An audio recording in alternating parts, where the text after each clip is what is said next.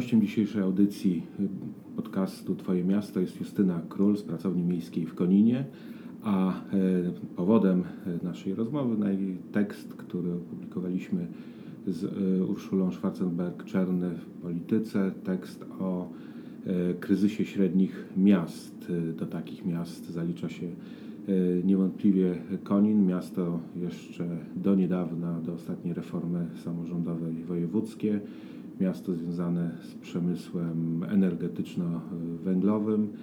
E, Justyna e, wróciła do e, Konina po karierze w różnych instytucjach pozakonińskich, międzynarod, krajowych, międzynarodowych.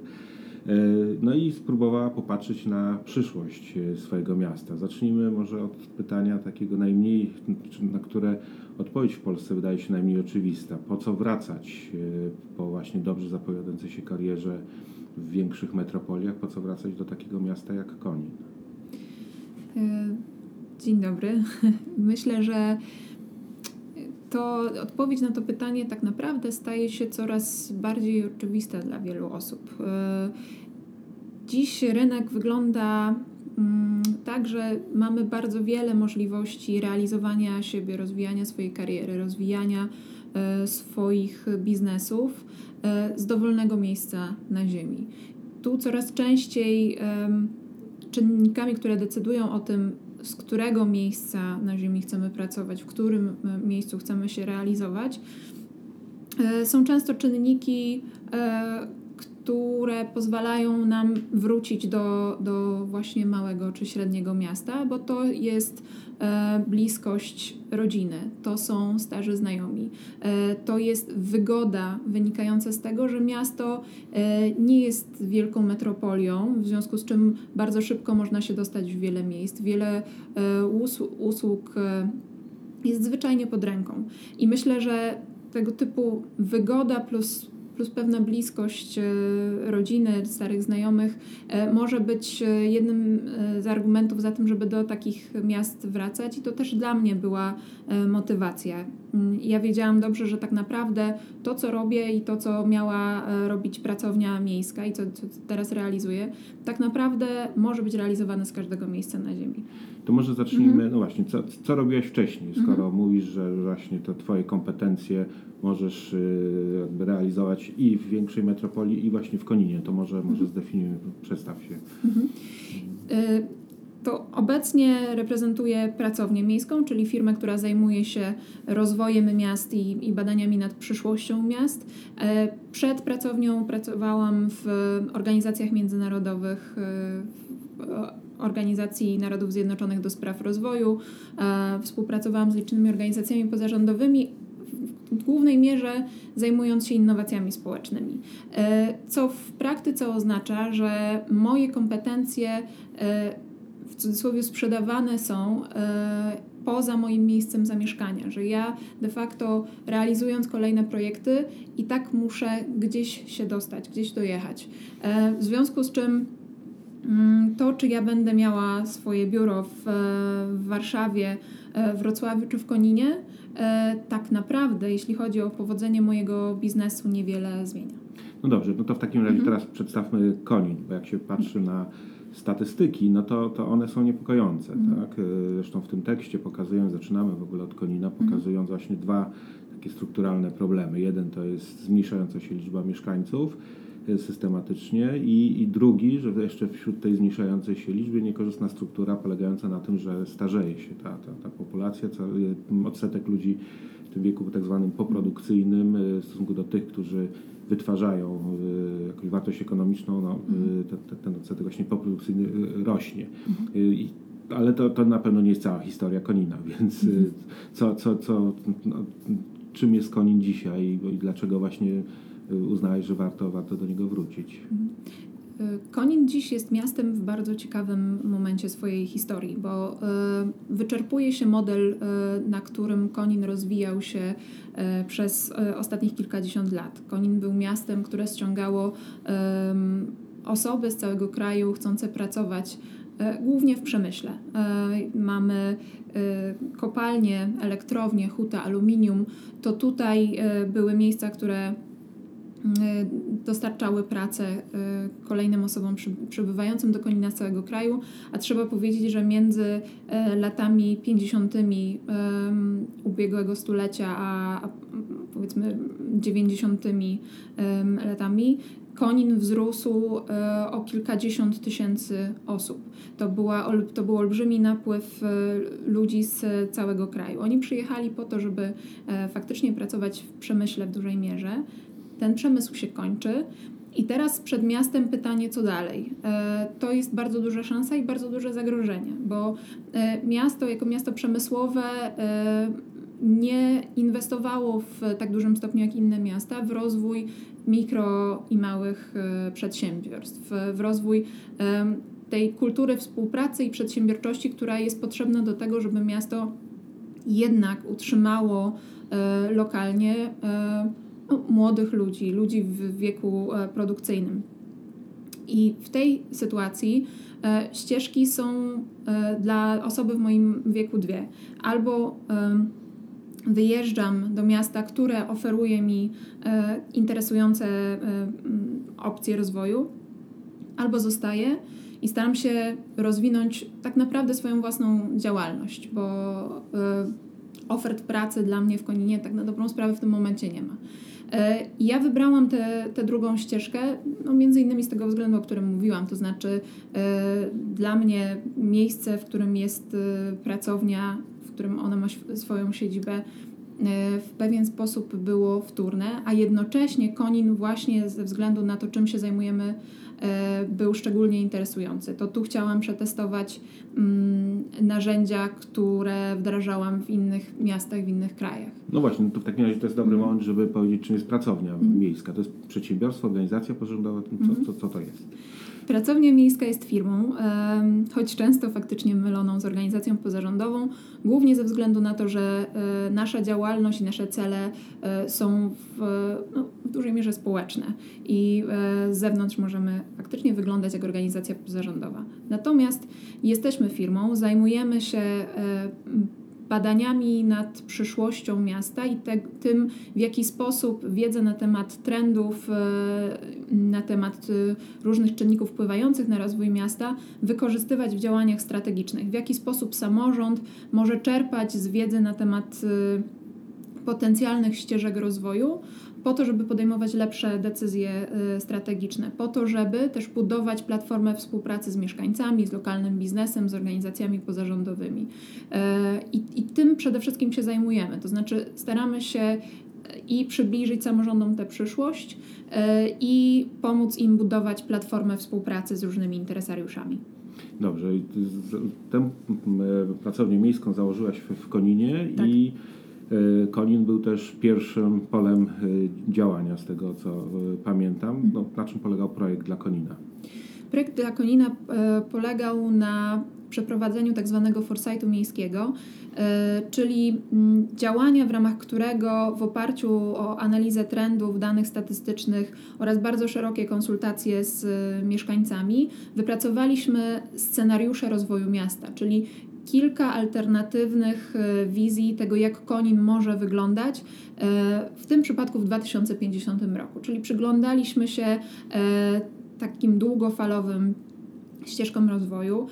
Jednym z głównych bodźców do, do wybrania tego, tego horyzontu czasowego były między innymi prognozy Głównego Urzędu Statystycznego, który akurat w tamtym czasie opublikował raport zgodnie z którym Konin do 2050 roku miałby się zmniejszyć o ponad 40%.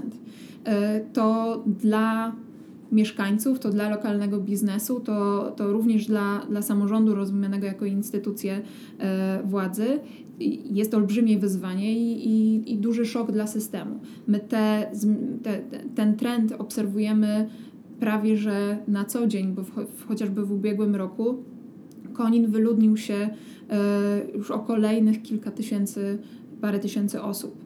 E, I wtedy właśnie e, rozpoczęliśmy z mieszkańcami i, z samorządem rozmowę o tym, jak to miasto może się rozwijać. No właśnie, jak może się rozwijać? Może jak, jakie, czy, czy, czy jaki, którykolwiek z tych scenariuszy jest optymistyczny? Tak, tak naprawdę. Um, Poza jednym e, wszystkie mają, pozostałe trzy mają w sobie elementy, e, które niosą ze sobą duże szanse i, i otwierają różne ścieżki e, rozwoju, myślenia o przyszłości Konina. Scenariusz, który z naszej perspektywy i z perspektywy lokalnych ekspertów był najbardziej interesujący i pewnie optymalny, to był scenariusz, który wzmacniał dwa elementy. Pierwszy to element wykorzystania, zrównoważonego wykorzystania zasobów y, środowiskowych. Tu myśleliśmy przede wszystkim o y, utrzyma utrzymaniu tego wizerunku i modelu rozwoju miasta jako miasta produkującego energię. Konin posiada bogate zasoby wód geotermalnych, w oparciu o które można by było chociażby prowadzić badania. Cały czas Mamy wśród osób mieszkających w Koninie e, inżynierów, e, ekspertów, którzy bardzo dobrze rozumieją e, właśnie rynek energetyczny i ten zasób w pewien sposób zaczyna być zasobem, który jest niewykorzystany i a, a w oparciu o który można by było tak naprawdę bardzo dużo budować. To, to jest ten jeden element, czyli właśnie wykorzystanie tych zasobów głównie środowiskowych. Drugi element, który w tym scenariuszu optymalnym byłby wzmacniany, to element współpracy. E, Konin jako miasto poprzemysłowe, tak jak wspomniałam, tej historii współpracy nie ma aż tak silnej. E, lokalny biznes czy lokalne organizacje pozarządowe nie funkcjonują czy nie działają e, ze sobą blisko, nie wspominając o współpracy samorządu z nimi, samorządu z biznesem czy samorządu z organizacjami pozarządowymi. I w tym optymistycznym scenariuszu faktycznie ten element czy czy ten wysiłek włożony w budowanie współpracy międzysektorowej e, był bardzo, bardzo istotny. W związku z czym z tym e, optymistycznym scenariuszem mówimy o mieście, o Koninie jako o mieście, które e, zajmuje się innowacjami związanymi z produkcją zielonej energii, wokół których rozwija się i lokalny biznes, i, i lokalne organizacje pozarządowe. Dwa pozostałe scenariusze były zróżnicowane też wokół tych dwóch osi. E, jedna, e, jeden ze scenariuszy mówił o Koninie jako o mieście właśnie osób starszych, to znaczy mieście, z którego, tak jak już dziś widzimy, wyjechały e, osoby młodsze, osoby w wieku produkcyjnym i pozostawiły tutaj, tutaj w znaczeniu w Koninie, swoich rodziców i swoich dziadków. To są, e, to jest scenariusz, w którym e, ten, e, te osoby, które pozostały w Koninie, mają właśnie dostęp do, do tej natury, do tych zasobów, które, które, którymi Konin jest otoczony, natomiast nie rozwinęła się ta strefa współpracy, nie rozwinął się mały czy średni biznes i w związku z tym niestety wiele osób postanowiło wyjechać. Trzeci scenariusz to jest scenariusz, w którym bardzo dużo energii zostało włożone właśnie we współpracę międzysektorową, w rozwój lokalnego biznesu, natomiast faktycznie ta część e, środowiskowa, chociażby wody geotermalne, w żaden sposób nie zostały e, wykorzystane i tutaj mamy, e, mamy ten scenariusz no, trochę mniej optymistyczny niż ten optymalny. No dobrze, i co dalej z tymi scenariuszami? Zostały one najpewniej przedstawione mieszkańcom i, i co, co się z nimi dzieje?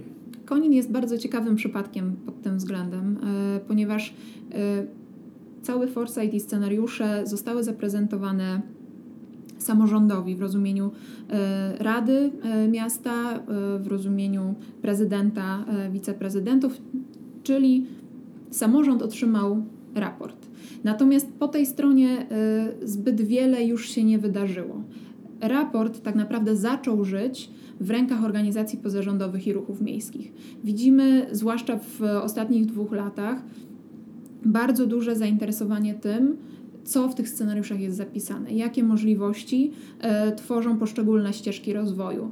E, odbyło się już kilka oddolnych konferencji organizowanych właśnie przez organizacje pozarządowe czy przez e, lokalną uczelnię, które nawiązują do scenariuszy, które w, w różnym stopniu z nich czerpią i, i, i w oparciu o nie próbują realizować działania poniekąd obok samorządu.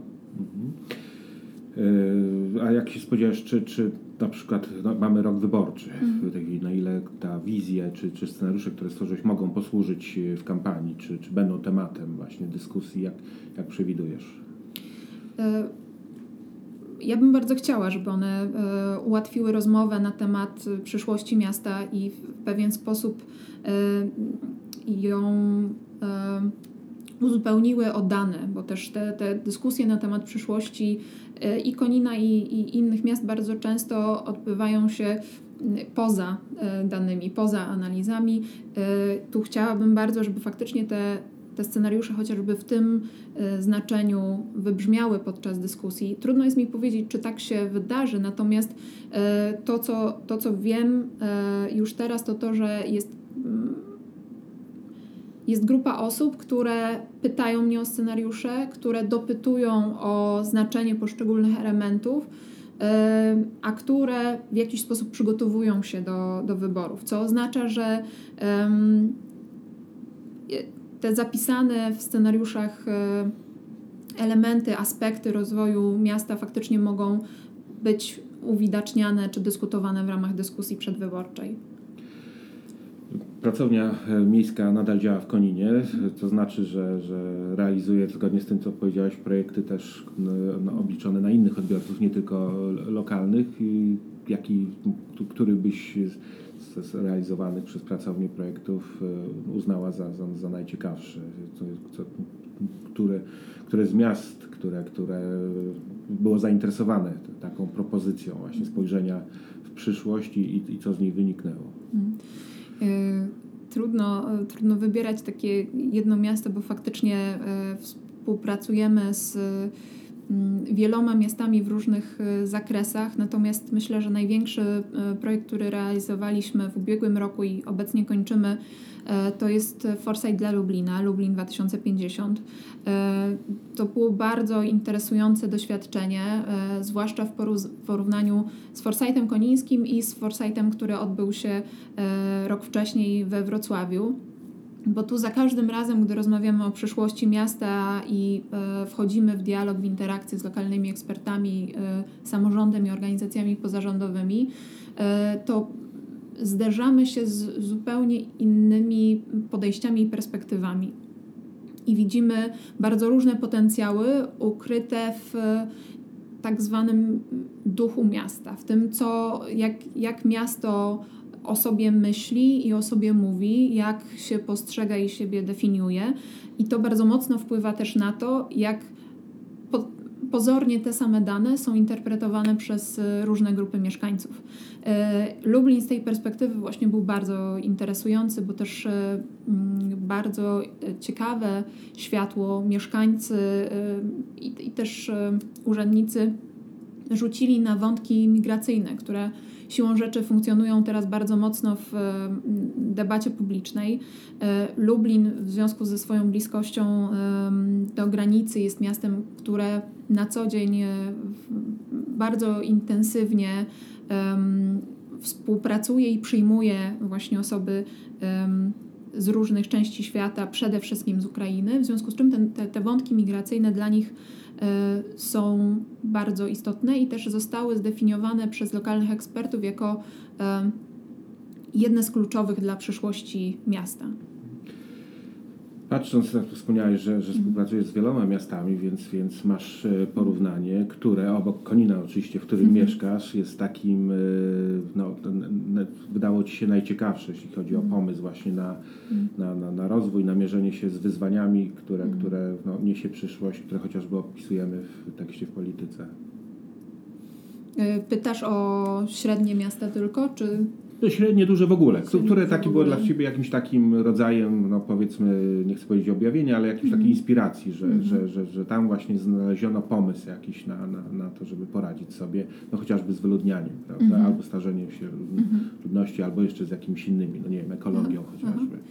E, powiem tak. e, z, z, hmm, z, pominę Konin i Lublin, ponieważ e, Jesteś tak, związana, bieżąco tak. jestem z nimi związana, więc, więc nie chciałabym tutaj e, w ten, w ten sposób odpowiadać. Dla mnie bardzo interesujący jest Gdańsk e, i to, w jaki sposób Gdańsk e, podchodzi do zarządzania, do współzarządzania, do włączania e, mieszkańców w decydowanie na temat i całościowej strategii rozwoju miasta i rozwiązywania poszczególnych problemów, z którymi e, miasto, e, miasto się mierzy. To w Gdańsku, jako w jedynym mieście w Polsce, e, odbyły się badania dotyczące zdrowia psychicznego w mieście, co też dla mnie osobiście jest bardzo istotnym tematem.